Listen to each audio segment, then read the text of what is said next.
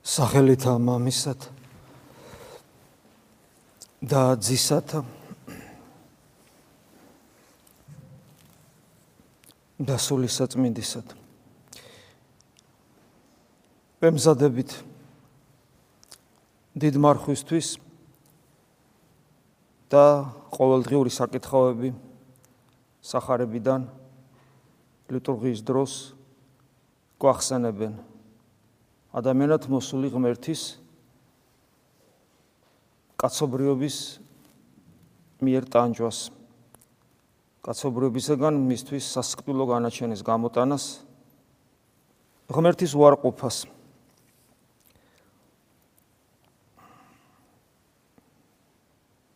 სადაც გამოვლინდა ადამიანის მოდგმის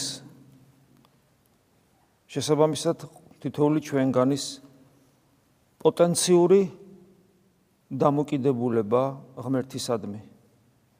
სადაც გამოვლინდა ჩვენი ღვთისმკვლელი ბუნება, რომელიც არ გვაძლევს საშუალებას ჩვენში ღვთის ხატობა და მსგავსება რეალიზდეს. ამიტომაც იმისათვის რომ ადამიანი ამ მდგომარეობიდან გამოვიდეს, კი არ უნდა შეიცვალოს, არამედ თავიდან დაიბადოს. კი არ გაუმჯობესდეს ზნეობრივი სრულყოფილების გზით, არამედ ახალ ქმნილებად გადაიქცეს. ჩვენთვის ქრისტიანებისათვის ეს პროცესი უკვე დაწყებული უნდა იყოს ყოველ შემთხვევაში ღმერთმა თავისი მადლი ჩვენს გულში ჩაგვიდო, ანუ თავად მობძანდა მადლი თავად ღმერთია თავის ენერგიებში. როგორც ნათელღებულ და მაზიარებელ ქრისტიანებში, როგორც ეკლესიის ორგანულ ნაწილებში. და შესაბამისად ჩვენი დამოკიდებულება ღმერთისადმი განსხვავებული უნდა იყოს, ვიდრე უბრალოდ რელიგიურ ადამიანს აქვს ღმერთისადმი დამოკიდებულება, ჩვენი განსხვავებული უნდა იყოს და განსხვავებული არა ცოტათი, არა რაოდენობრივი მაჩვენებელით არა რაღაცაში არამედ აბსოლუტურად ყველაფერში. ჩვენ არაფრით არ გავართ არცეთ რელიგიურ ადამიანს. არცეთ რელიგიურ ადამიანს. ჩვენ თუ ეს არ გავაცნობიერეთ და ჩვენ დავკმაყოფილდით ჩვენი რელიგიურობით რომელიც ყოველთვის არის ესე მსგავსი ვიღაცის რელიგიურობის ანუ სხვა სარწმუნოების მიმდევრის. ამას ჩვენ სასულიერო პირები ყოველ დღე ვაწყდებით ადამიანებთან ურთიერთობაში. და ამაზე ვსაუბრობთ, სულ უბრალოდ ამას საუბრობთ რა, კი არ ვიგონებთ 2000 წელი ამაზე ეკლესია საუბრობს დაწყებული წმინდა წერილიდან, უბრალოდ ამას უნდა ამას უნდა მოსმენა და გაგება და დანახვა.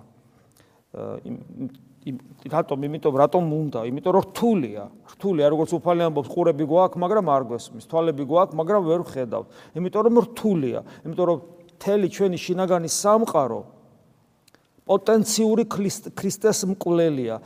ჩვენი შინაგანი სამყარო უარმყოფელია ქრისტესი და არ უშვებს არ აძლევს მას იმის შესაძლებლობას რომ მან ჩვენგან ახალი ქმნილება შექმნას ხო და აი ამიტომ ჩვენ რელიგიური ადამიანებისგან როგორც გითხარით აბსოლუტურად განსხვავდებით და შესაბამისად ჩვენი ცხოვრების წესით განსხვავებული უნდა იყოს ანუ ჩვენი დამოკიდებულება, რას ნიშნავს ცხოვრების წესი განსხვავებული უნდა იყოს? ჩვენი დამოკიდებულება ღმერთთან არის აბსოლუტურად უნიკალური, უნდა იყოს პოტენციაში რაც არის ქრისტიანისათვის. და ჩვენი ადამიანთან დამოკიდებულებაც აბსოლუტურად უნიკალური უნდა იყოს. ჩა მაგრამ სამწუხაროდ ჩვენ ვიცით რომ არც ერთია ჩვენი რაღაც განსაკუთრებული და არც მეორე და ამიტომაც არის მთელი რიგი პრობლემები რომელიც ჩვენ როგორც ქრისტიანებს გვაქვს. მაგრამ ეკლესია ცდილობს რომ გაგვაგებინოს და ყოველწლიურად მით განსაკუთრებულად დიდ მარხვის პერიოდში და მის მოსამზადებელ პერიოდში მრავალგზის შეგვაგონებს რომ ჩვენში ეს პროცესის ბოლოს და ბოლოს დაიწყოს. აი დღესაც 60 ქულოში რომელიც გვეკითხებოდა ეს არის იონე მოციქულის პირველი ეპისტოლე ძალიან საკმაოდ ვრცელი სამოციქულო იყო არა მთლიანად რაღაც ნაწილს მუხლებად წაგიკითხავთ და კიდევ ერთხელ ვეცდები მე ჩემი თავისათვის და თქვენთვისაც ასევე ჩვენ ყველამ რომ კიდევ ერთხელ სარგებელი მივიღოთ თუ რას ნიშნავს დამოკიდებულება ღმერთთან, რას ნიშნავს დამოკიდებულება ადამიანთან, ადამიანთან და საერთოდ რას ნიშნავს ქრისტიანობა როგორც ასეთი. ასეთ რამეს ვკითხულობთ. ეს არის რაღაც ამონარიდი ამ დღევანდელი საკითხავებიდან, საკითხავიდან. პირველი იონეს იონე მოციქულის პირველი ეპისტოლია, მეოთხე, მეხუთე თავი.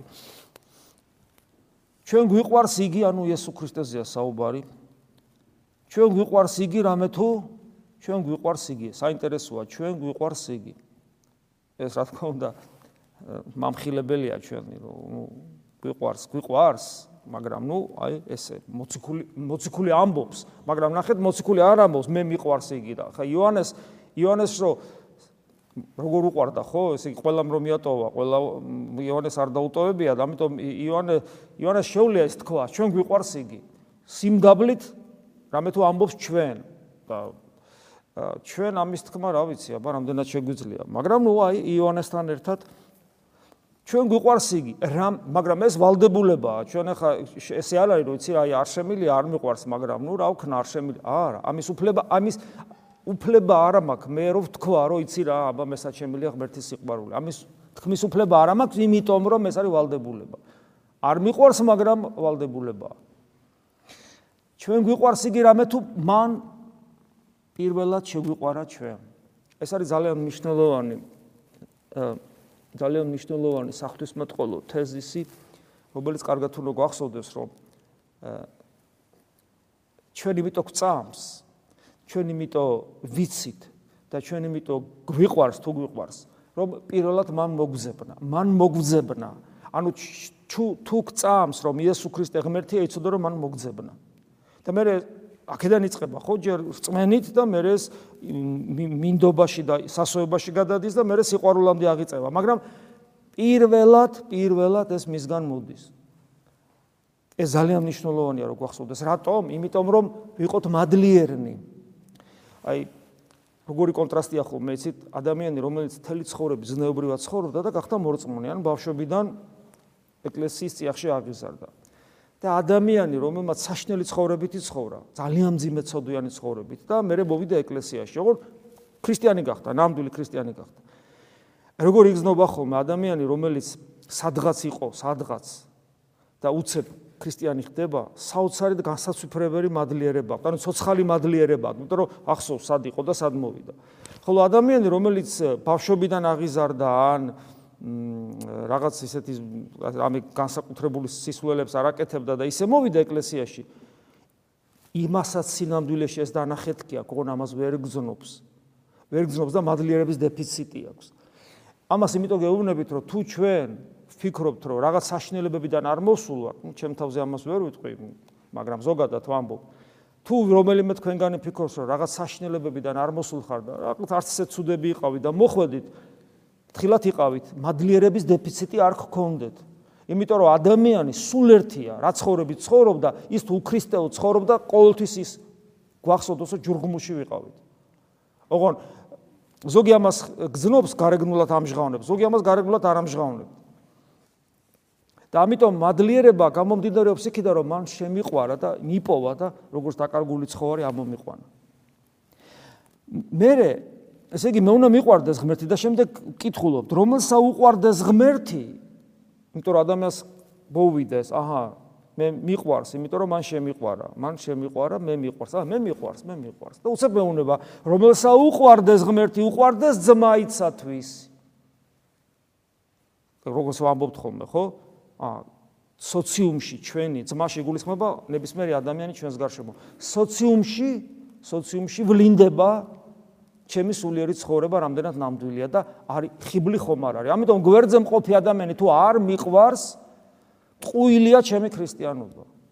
ტყუილია და წმინდა მამები ვერ უფრო მკვეთრად ამბობენ. აი სილანათონო პირდაპირ ამბობს. მტერი თუ არ გიყვარს ქრისტიანი, არ ახარ, არ ახარ ქრისტიანი.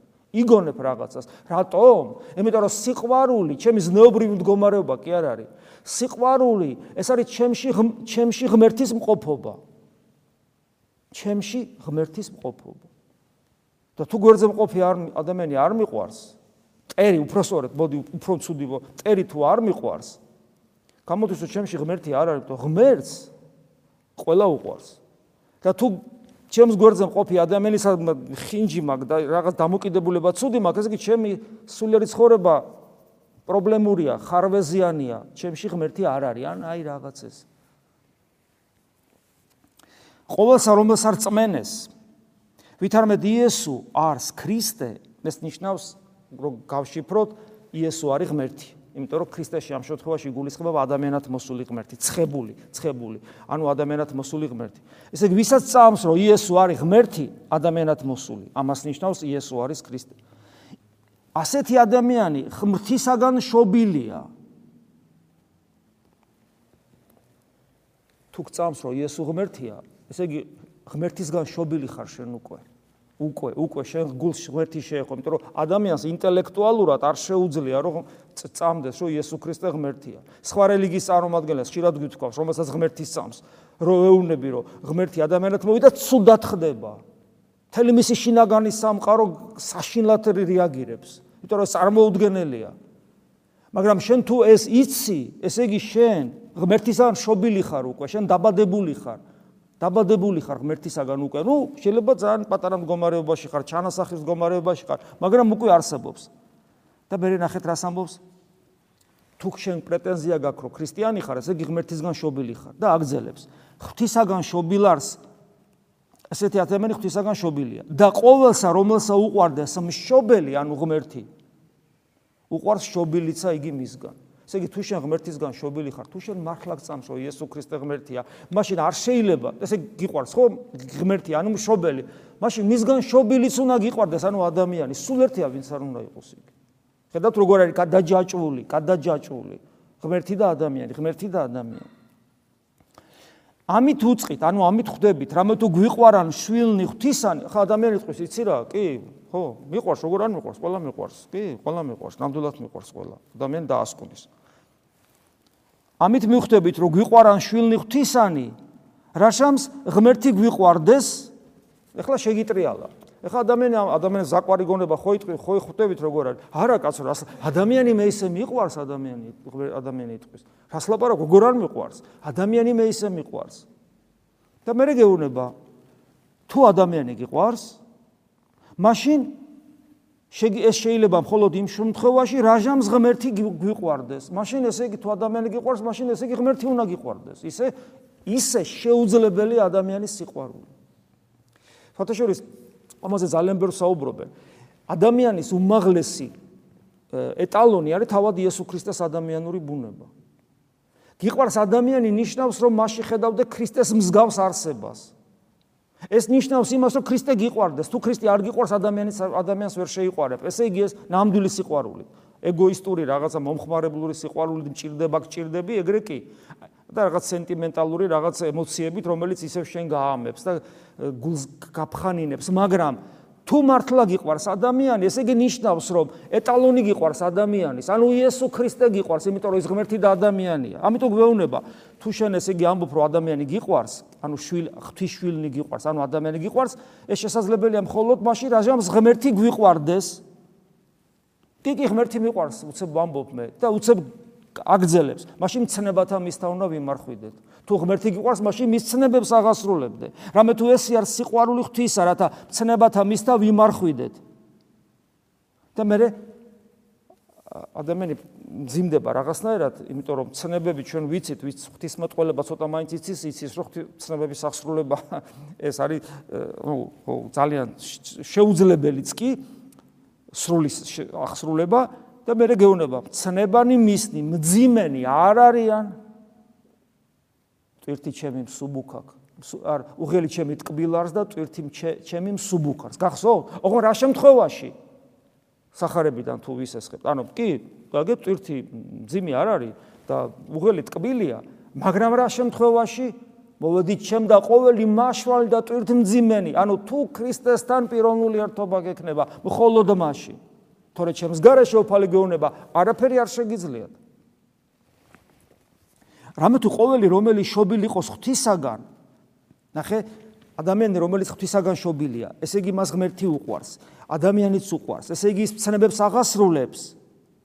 მაგრამ ცნებები ჩვენ გვემძიმება, იმიტომ რომ ეს ცნებების შესრულები ჩვენ ამ სოფლის მდინარების საწინააღმდეგოდ მივცურავთ. რა არის ცნებების აღსრულება? ეს სოფელი იქით მიდის, ჩვენ იქით მივდივართ. ეს სოფელი ქრისტეს კლავს და მოიძულებს ჩვენ მის საწინააღმდეგოდ ვიქცევით. ეს სოფელი ყვირის ჯვარსაცუ ჯვარსაცუ და არა ყავს ჩვენ არც ერთი მეფე გარდა კეისრისა, ანუ ანტიქრისტეს სიმბოლოა კეისარი ამ შემთხვევაში, ჩვენ კიდევ ვამბობთ, არა, ჩვენი მეფე ჯვარცმულია. ანუ საწინააღმდეგოდ მოძრაობთ. ამიტომ არის ცნებების აღსრულება მძიმე. ამიტომ კუჭი თავისას ითხოვს შენეუნები არა, გული რაღაცას გთხოვს შენეუნები არა, თვალი გაგირბის შენეუნები არა, შენი ნებელობა შენის რაღაცას გთხოვს მიწერ შენეუნები არა, სულ შენ თავს ეუნები არა, არა, არა. ამიტომ არის ძნელი ცნებების აღსრულება, მაგრამ მეუნება მძიმე არ არის ნუგეშინია. იმიტომ რომ რადგან შენ შობილი ხარ ღვთისაგან, ნახე ყოველი რომელიც შობილი იყოს ღვთისაგან ძლევს სოფელს, ანუ იმ სოფელს რომელიც მიგაქანებს საწინააღმდეგო მიმართულებით, რომელიც გიმძიმებს ცნებების აღსრულებას, მაგრამ თუ შენ ღმერთისაგან შობილი ხარ, მაშინ ცნებები იოლია, იმიტომ რომ შენში არსებული ღმერთის ძლევს სოფელს. ანუ შენ ძლევს სოფელს. და რას ნიშნავს ძლევს სოფელს? და მე რა გძლევს? რომ რითი ძლევს სოფელს? სოფელ ძლევს სარწმუნოება იჩვენი. და ხედავ სარწმუნოება რა უცნაური რამეა. ანუ ჩვენი რწმენა ძლევს სოფელს. ხედავ რწმენა რა, რწმენა ის კი არა, აი მე მწამს, ხო, მე მწამს. და რა შევლინდება? შენ თუ რწმენა გაქვს, რწმენა გაქვს. ერთ რწმენა ისეთი ძლიერი ინსტრუმენტია, ისეთი ძლიერი ძალა. რომ ამ სოფელს ამარცხებს, ამ სოფლის სულს ამარცხებს, ამ ანტიქრისტეს ამარცხებს. და ჩვენ კიდე საკუთარი ეგოიზმი ანგარება და შური და ის ვერ დაგვიმარცხებია. რა არის რომლითაც ძლევს სოფელს? ანუ რა არის რითაც ამ სოფელს ძლევს? ანუ რითი რა სარწმუნოებაა? სარწმუნოება ძლევსო და რა არის ეს? რომელს არწმენეს ვითარმეთ იესო არის ძეღვთისა, ისევ ქრისტეს წმენა. ახლა წავიდა, წამოვიდა ისევ იქ მივიდა. ქრისტეს წმენამდე. აი ეს არის, ეს. რომელიც ძლევს სოფელს, რომელიც ნიშნავს ცნებების აღსრულებას, რომელიც ნიშნავს ღვთის შვილი ხარ და ასე შემდეგ. ისევ, აი თითქოს ერდეგივე ერდეგივე საგანს რო უყურებ ყველა მხრიდან, აქედან, იქიდან, იქიდან როგორმე გაიგო, რასთანა გაქვს საქმე. იმდენად რთულია ეს. რომელს არ წმენეს ძისა მიმართ ღვთისა, ანუ ქრისტეს მიმართ ვისაც წამს. ეხლა ძალიან საინტერესო, ნახეთ, აი ხო მივიდა ბოლოს კიდევ ერთ ბეჭდა დაასვა, რომ იესო ქრისტეს წმენა, ქრისტესადმი წმენა არის, რომელიც ძლევს სოფელს. და მე რეგეუნება, თუ გწამს ეს, რომ ძეღვთისა არის, იესო ქრისტე არის ძეღვთისა. ასეც მოწმობა, ანუ წამება, ანუ მოწმობა. იგი თავსაშორისთვისა აქვს. ანუ თუ მე მწამს, მოწმობა მაქვს საკუთარ თავში. მოწმობა რას ნიშნავს? მოწმობა ნიშნავს დასტური მაქვს საკუთარ თავში. და გვახსენდება სუბონახალი ღვთისმეტყველის სიტყვები, ვისაც ქრისტეს ქრისტეს ქრისტეს და ანუ ღმერთის საფრთხო მადლის ქრისტეს სხვადასხვა და სხვადასხვანაირად ამბობს განცდა არა აქვს ღმერთის საკუთარ თავში შეგზნებითად განცდა არა აქვს რომ შეგზნებითად შეგზნების დონეზე არა აქვს რომ ღმერთი მასშია ესეთი ადამიანი ქრისტიანი არ არის იმიტომ რომ ასეთ ადამიანს ქრისტიანს უნდა მოწმობა ქონდეს, მე მოწმობა უნდა მქონდეს. მოწმობა რომ ღმერთი ჩემთან არის. მე მე ანუ ვერა აი მამაბი ამბობენ რომ ვისაც ესეთი მოწმობა აქვს, აი რა უნდა მოხდა? არა ვერაფერი ვერ მოხდება ისეთი რომ მას წმენა წაართვას. აი პავლე მოციქული ამბობს, ვინ განმაშოროს მე სიყვარულსა ქრისტეს, მა ქრისტესა და ჩამოთვლის ათას უბედურებებს და ამბობს, ვერაფერი ვერ განმაშორებს ქრისტესა მე სიყვარულს, იმიტომ რომ ჩემთვის ქრისტე ვინ არის? მე ვიცნობ მას, ვინც მწამს მე მას ვიცნობ. აი ეს არის, ეს არის მოწმობა. რომელსა არ არწმენეს ღმერთი, მატყუარად გამოაჩინა იგი. ეხლა ვიღაცა ამბობს, რომ ვისაც ახლა ამბობს ვიღაცაზე, რომელსაც ღმერთი არ აწამს. ღმერთი არ აწამს, ის კი არ არის მარტო ვიც ამბობს, რომ ღმერთი არ არსებობს. აქ ქრისტიანულ წმენაზე ლაპარაკობს.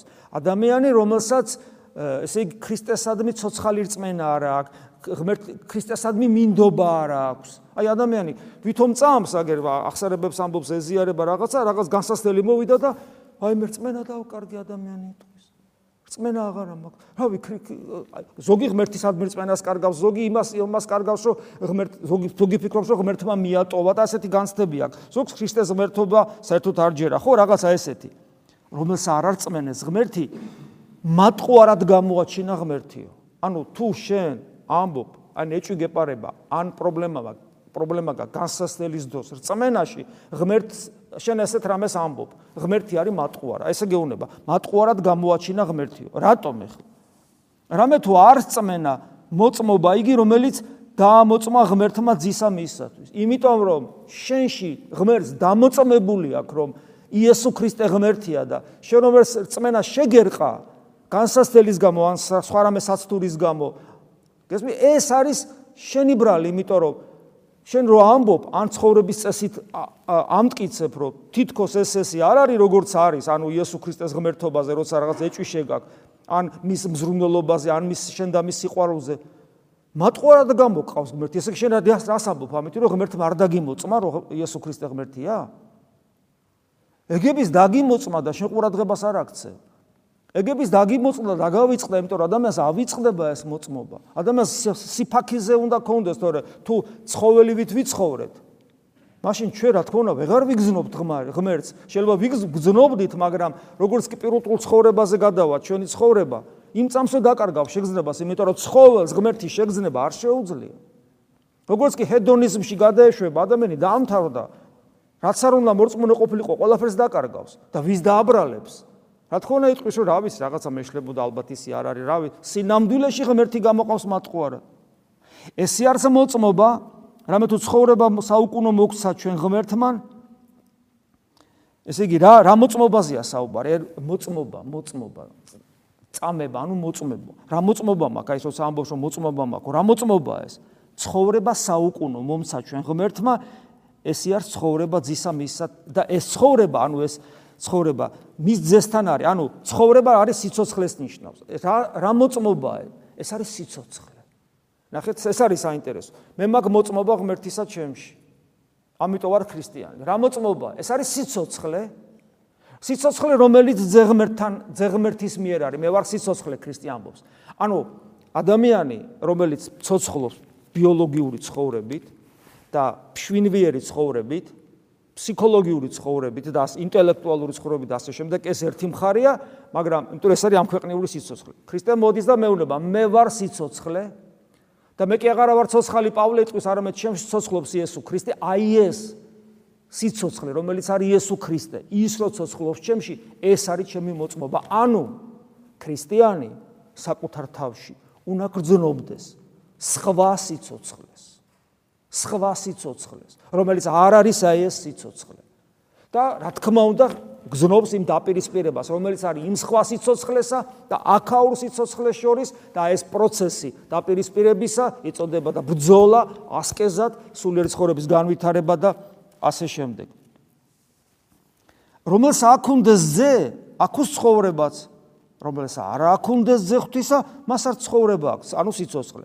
გახსოვთ ვისაც სული ქრისტესი არა აქვს, ის ქრისტესი არ არის. ესე იგი თუ შენში ქრისტეს მოწმობა არ აქვს, ესე იგი სიცოცხლეც არ არის შენში. მორჩა და თუ არის ქრისტე შენში, ესე იგი შენში სიცოცხლეა. ადამიანი რომელიც ამას აქვს, სანამ ხორჩი ყოფია, ყოფი ვერ გზნობს აი ამ პრობლემას, რომელიც შეიძლება გქონდეს. ეს ის რას ნიშნავს? რომ მივა გარდაცვალებამდე, უკან ხო აღარაფერი აღარ არის, იმიტომ რომ წავიდა ჩემი ცხოვრება და წინ წინ სიცოცხლე არ არის. წინ თუ რა ყდები, ჰა, გავხდი 100 წლის და ყდები. სიცოცხლე უკანა გამქრალია. გუშინდელი დღეს კი გამქრალია, არათუ მთელი 90 წელი. წინ აღარაფერი არ არის, იმიტომ რომ საათები დამჭა და დღეები სიცხოვრებისა და სხვა სიცოცხლეს მე არ ვიცნობ. გესმით რა ჯოჯოხეთი იწება? და ადამიანი რო გარდაიცვლება, თქვენ გონიათ სიტუაცია გამოსწორდება? ადამიანი გარდაიცვლება სიკვდილში გადავა. სიკვდილიდან სიკვდილში გადადის ადამიანი, ეს არის ჯოჯოხეთი. ხოლო ვინც სიცოცხლესში სიცოცხლეში უკვე იმყოფება, ის გარდაიცვლება სიკვდილისაგან სიცოცხლეში ქრისტეს სიტყვებს გახსენებ. ამიტომ ჩვენ სანამ ბიოლოგიურად ცოცხლები ვართ, ჩვენ სანამ ხორჩი ვიმყოფებით, ჩვენ სანამ შემეცნების უნარი გვაქვს, ბრძოლის უნარი გვაქვს, ასკეზის უნარი გვაქვს, ღვთისძიების უნარი გვაქვს, მით უმეტეს პასუხისგებლობა უდიდესი, იმიტომ რომ რწმენა მოგცა ღმერთმა, მანამდე ისი არ უნდა მოვკვდეთ, რომ ჩვენ არ ხედავდეთ ჩვენში სხვა სიცოცხლეს, რომელსაც იესო ქრისტე ქვია. ეს არის ჩვენი ყოველდღიური, ყოველწამიერი საშრომი, სავედრებელი. ჩვენ 1000 რამეს ვითხოვთ ღმერთისგან, მაგრამ არა ამას და ეს არის ყველაზე მთავარი. ყველაფერი ოხრად დარჩება ადამიანს, თუ მან ქრისტე არ ნახა თავის თავში. და ესე არის განცხადებულება, აი ესე ეს განცხადებულება რა გაგებით არის აი ეს არის ეს არის წარმოჩინებული ეს არის ნაჩვენები ეს არის ნაკადაგები ეს არის ნათქვამი ეს არის გამოცხადებული რა უკე თუ რაიმე ვითხოვოთ ნებისებრ მისისა ისმეს ჩვენსას აი ასეთ უკვე როცა უკვე აი ამ ყოლაფრის მე როცა მე მას ჩემ როგორც ჩემ სიცოცხლეს გზნობ რასაც ვითხოვ მე ჩემსას ისმეს რა თქმა უნდა ისმეს იმიტომ რომ ისრულებს. და რას თავარია ისმეს და როგორ შემისრულებს მან უკეთ იცის მაგრამ ერთი პირობაა რასაც ვითხოვ ნებისაებრ მისისა და აი ამაზე ამაზე ხო ამაზე ფაქტობრივად აგებენ თავისუფლების შესახებ მოძღვრებას რომ აი თავისუფლება სწორედ ეს არის. მამაოჩვენოს ეს არის იყავნება შენ. ანუ თავისუფლება არა თვითნებობა რაც მე მომეხასიათება არამედ როცა ჩემი თავისუფალი ნებით ნებით არჩევანს ვაკეთებ ღვთისნების სასარგებლოდ. ანუ მე არ ვიცი, იქით თუ აქეთ, ღმერთო, როგორ ჩვენ გინდა აი ეგრე, აი როგორ ჩვენ გინდა, აი ეს არის თავისუფლების რეალიზება. ნამდვილი. იმიტომ რომ თუ ჩემი გადაწყვეტილება, ჩემი ქმედება, ჩემი ნებელობა ღვთისნებას არ დაემთხვა, წარმოგიდგენიათ რა საშნელ დღეში აღმოჩნდები. აი რას ნიშნავს, რომ ჩემი ჩემი ქმედება ღვთისნებას არ ემთხვევა. ჩემში ესე იგი, ან ცხოველი მოქმედებს, ან ეშმაკი მოქმედებს, იმიტომ რომ თუ ჩემში ღვთის ხატი და მსგავსი მოქმედებს, მაშინ ჩემი ნება და ჩემი ქმედება ღვთისნებას ხომ უნდა დაემთხვეს? რომელიც არის აბსოლუტური სიკეთე, აბსოლუტური სიყვარული. მოდი ესე ვთქვა, გასაგებენაზე აბსოლუტური ბედნიერება. ნამდვილი სიცოცხლეა ერთადერთი. და თუ ჩემინება მისნებას არ ემთხოვა, ესე იგი ან ცხოველივით მოქმედებ, ან ეშმაკივით. ჩვენი აი როცა ვლოცულობთ, ეს ძალიან მნიშვნელოვანია, რომ გვახსოვდეს, რომ როცა რაღაცას ვითხოვთ, ყოველთვის უნდა გქონდეს, ეს არის თუ არა ნება ღვთისა, რასაც მე ვითხოვ. ვიცით რამე თუ ყოველი რომელი შობილი იყოს ღვთისაგან არაცოდოს, ესე ძალიან საინტერესო. ნახეთ რას ამბობს, ვიცით. ანუ ვიცით, ვინ ვინ იცის, ვინ? ჩვენ ქრისტიანებმა ვიცით, რა ვიცით ქრისტიანებმა? ყოველი რომელი შობილი იყოს ღვთისაგან არა ცოდოს არამედ რომელი იგი შობილი იყოს ღვთისაგან დაიმარხოს თავი თვისი და ბოროტი მას არ შეეხოს ესე იგი თუ ჩვენ ქრისტიანები ვართ თუ ჩვენში ჩვენ უკვე ღვთის ღმერთში ვიშვებით ანუ ღმერთი ღმერთი ჩვენშია ღვთისშვილები ვართ ხო? რომელი შობილი იყოს ღვთისაგან რაზეც წეღან საუბრობდით. არ ცოდავს ესეთი ადამიანი ჩვენ არ ცოდავთ ამაზე სხვა ადგილასაც საუბრობს მე რიონე მოციქული. რატომ არ ცოდავს ადამიანი? არ შეუულია რომ მას ცოდოს. იმიტომ რომ ის ახალი არსება, ახალი ქმნილება უკვე, მას ცოდვა არ არის, არ ცოდავს. არ ცოდავს, იმიტომ რომ მასში ღმერთი მოქმედებს. აი ეს ძალიან მნიშვნელოვანია, რომ გვახსოვდეს, აი თქვენ რომ მოდიხართ აღსარებაზე და თქვა, იქ სიყვარულის დეფიციტია, იქ სიმდაბლის დეფიციტია, იქ სიამაყეა, ამპარტავნება, ეგოიზმია, შურია. თქვენ როგორც წესი ნებისყოფის ძალით ებრძვით ამ ყველაფერს. და გინდათ რომ ზნეობრივი ზნეობრივად ამაღლდეთ, არ გამოგდით არაფერი. ასეთი ბრძოლა ნებისყოფით ბრძოლა ჩვენს მანკიერებებთან ეს არის მხოლოდ დასტური ღმერთის წინაშე რომ იცი მე ღმერთო არ მინარ სიამაყე ამპარტავნება და ეს უბედურება შური ეგოიზმი უსიყვარულობა ეს ხორციელი მიდრეკილებები მავნე არ მინდა. იმიტომ ვებრძვი თორე იმიტომ კი არ ვებრძვი რომ მე რო ვებრძვის აღარ არის იმიტომ რომ მე ეგა ვარ და ჩემ თავს როგორ გავაქრობ. მე თუ მინდა მე თუ მინდა რომ ეს ყველაფერი ჩემში დამარცხდეს. უნდა ვიცოდე რომ ყველა ის სათნოება ხშირად გეუნებით ამას, ეს თავად ღმერთია. სიყვარული თავად ღმერთია, სიმდაბლე თავად ღმერთია, სიმშვიდე თავად ღმერთია. სხვისი სიყვარული ადამიან მიმტევებლობა, დიცულოვნება, გულმოწყალება, ყველაფერი სიцоცხლე ეს ყველაფერი ღმერთია. ამიტომ თუ ჩემში ეს ყველაფერი არის და მართლა ჩემი ღვთის შობილობა, ღვთის შვილობა რეალიზდა, ცოდვა სადღა არის? ყველაფერი ღმერთია ჩემში. სადღა არის ცოდვა? იმიტომ რომ ცოდვა, აი სიამაყე, შური, ანგარება. ეს ხო ენერგიებია, ვისი ენერგიებია? ხო რა ცნობია? ვინ არის შურიანი, ვინ არის ამაყი, ვინ არის ანგარებიანი, ვინ არის ეგო ეშმაკია. ესე გამოდისო ჩემში ეშმაკი ცოცხლობს და რა თქმა უნდა ცოდავ. და თუ ჩემში სახთო, აი გალატელთა მიმართ ეპისტოლაში რო ჩამოთვლის პავლე მოციქული სულიწმინდის ნაყოფებს, თუ ის არის ჩემში, ჩემში ხო ღმერთი ცხოვრობს. მაშინ გამოდის რომ თუ ღმერთი ცხოვრობს, ცოდვა როგორ გაიქნება? ამიტომ სანამ ჩვენ ვწოდავთ ჩვენში არ არის რეალიზებული ღვთისმშილობა ამას ნიშნავს ეს და რას ნიშნავს ეს ნიშნავს რომ ღვაწლს მოუმატოთ ღვთისძიება საკუთარ თავში მოუმატოთ და ბოროტი მას არ შეეხებაო. ეშმაკი ვერაფერს ვერ აკლებს ამასეთ ადამიანს. ეშმაკი, რომელსაც შეუულია როგორც სერაფემეს აროველი ამბობს თუ არსებით ნეკათით მთელი სამყარო აყირავს, ეს ძალა აქვს. ქრისტიანს ვერაფერს ვერ უშვება. ამოს ადამიანი მოდის და ვიღაცამ ჯადო გამიკეთა, ჯადო გაგიკეთა. შენი თავის ჯადო შენ თვითონ ახარ. შენი უღმერთობის გამო, თორე როგორ რა ჯადო, რის ჯადო, ხშირად გითქვია, ჩვენ ეშმაკზე გვაქვს მიფურთხებული ნათლობის წინ. რა ჯადო ეშმაკის სახური რას მიზავს როცა თვით სატანას მივაფურთხე როცა მომნათლეს ჩემი პრობლემა ჩემი ურწმუნოება მხოლოდ ხოლო ვიცით რამე თუ ძეხვთისა მოვიდა და მოგცა ჩვენ გონება გონება რა არის გონება? გონება ეს ინსტრუმენტი რითაც მე შემიძლია შემიძლია რომ ღმერთი ვიცნო. აი ფარისევლებს ნახეთ რა ქონათ და წიგნობრებს. ესე იგი უზადო რელიგიური და ზნეობრივი ცხოვრება განსაცვიფრებელი თეოლოგიური განათლება და ღმერთი ვერ იცნეს. რატო?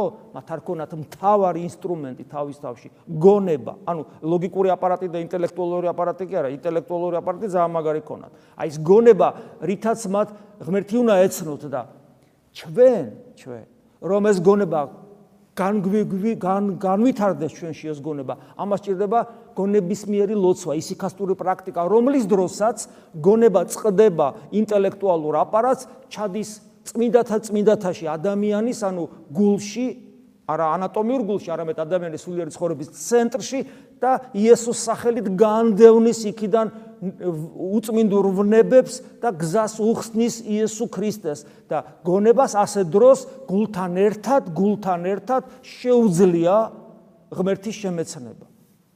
და თუ ეს პროცესი არ მიდის შიგნით, როგორც უძღების შვილის შიგნით დაბრუნება, გონების გულში დაბრუნება, თუ ეს პროცესი არ მიდის, ჩვენს ფარისევლები და მწიგნობრები ღმერთს ვერ ვიცნობთ. ამიტომ არის ხოლმე ანტიქრისტეზე რო არის ერთი ამბავი, აი ბოლო ჟამი. თუ ქრისტეს ვერ იცნობ, ვერც ანტიქრისტეს ვერ იცნობ. იმიტომ რომ ანტიქრისტე ქრისტეს ნაცვალია, ნას ნიშნავს, ქრისტეს ნაცვალს ნიშნავს. ანუ თუ ქრისტეს ცნობელობის უნარი არ აგაქვს, შენ თუ არ აგაქვს ორგანო, რითაც ქრისტე უნდა იცნო, ანტიქრისტეს როგორ იცნო? შენ თუ სმენა არ აგაქვს, როგორ გაარჩევ კაი მუსიკას და ცუდ მუსიკას? რანერად გაარჩევ? როგორ გაარჩევ გენიალურ ბახს მარშრუტკის მუსიკისაგან, რომელი რომელს ჯობია? როგორ გაარჩევ? თუ მსმენა არა გაქვს საერთოდ. ან თუ თლათ ეს იგი საერთოდ ხო რო ესია თუ საერთოდ საერთოდ არ გესმის არაფერი და თუ მსმენა არა გაქვს მუსიკალური მაინც ვერ გაარჩევ ამიტომ თუ ჩვენ ქრისტეს შემეცნების უნარი არ გვაქვს და არც ზრუნავთ ამისათვის იმიტომ რომ ამას სწავლა ჭირდება მაშინ ვერც ანტიქრისტეს ვერ ვიცნობთ რაც არ უნდა ესე იგი ბოლო ნიშნები ვეძებოთ. და აი ჩვენ გვაქვს გონება რითაც ვიცოდით ჩვენ ჭეშმარიტი ღმერთი და ვართ ჩვენ ამ ჭეშმარიტი ღმერთის ძისთან ძესთან ერთად. მერი ამბობს იესო ქრისტესთან და მერი ამბობს იესო ქრისტე, რომელიც არის ჭეშმარიტი ღმერთი და სიცოცხლე მარადიული. ჭეშმარიტი იესო ქრისტე, რომელიც არის ჭეშმარიტი ღმერთი და სიცოცხლე მარადიული. ამინ. როგორ არის იცით ახლა მე კიდევ ნაწილი ამოვიღე. აი იონე მოციქული წერს და ვერ ძღება, ვერ ძღება აი ამ გულიდან ამოხეთქილი სიტყვების რაოდენობით. უნდა თქვას და თქვას ადიდოს და ადიდოს. აი როგორც პავლე მოციქულს აქვს და საერთოდ ყველა ესეთ დიდებულ ადამიანებს რომლებსაც განსაცვიფრებელი გამოსtildeება ქონდათ ღმერთთან ურთიერთობისა და რომელიც უამრავი შუა მსგავსი ადამიანი 2000 წლის განმავლობაში და ეკლესიამ და მადლობა ღმერთს რომ მრავალი მათგანისა ეს გამოცდილება წერილობით არსებობს და იკითხეთ, იკითხეთ წმინდა მამები, რომ აი ამ საოცარ გამოცდილებას ეზიაროთ, რომ არ ავწდეთ, აი არ ავწდეთ ამ დიდებულ გზას, არ ავწდეთ და ჩვენი ცხოვრება და ჩვენი დაბადება ამაო არ იყოს ჩვენთვის დაგვიფაროს უფალმა. მადლი უფლისა ჩვენისა იესო ქრისტესი და სიყვარული ღვთისა და მამისა და ზიარება სულისა წმინდისა იყოს თქვენ ყოველთა თანა. ამინ.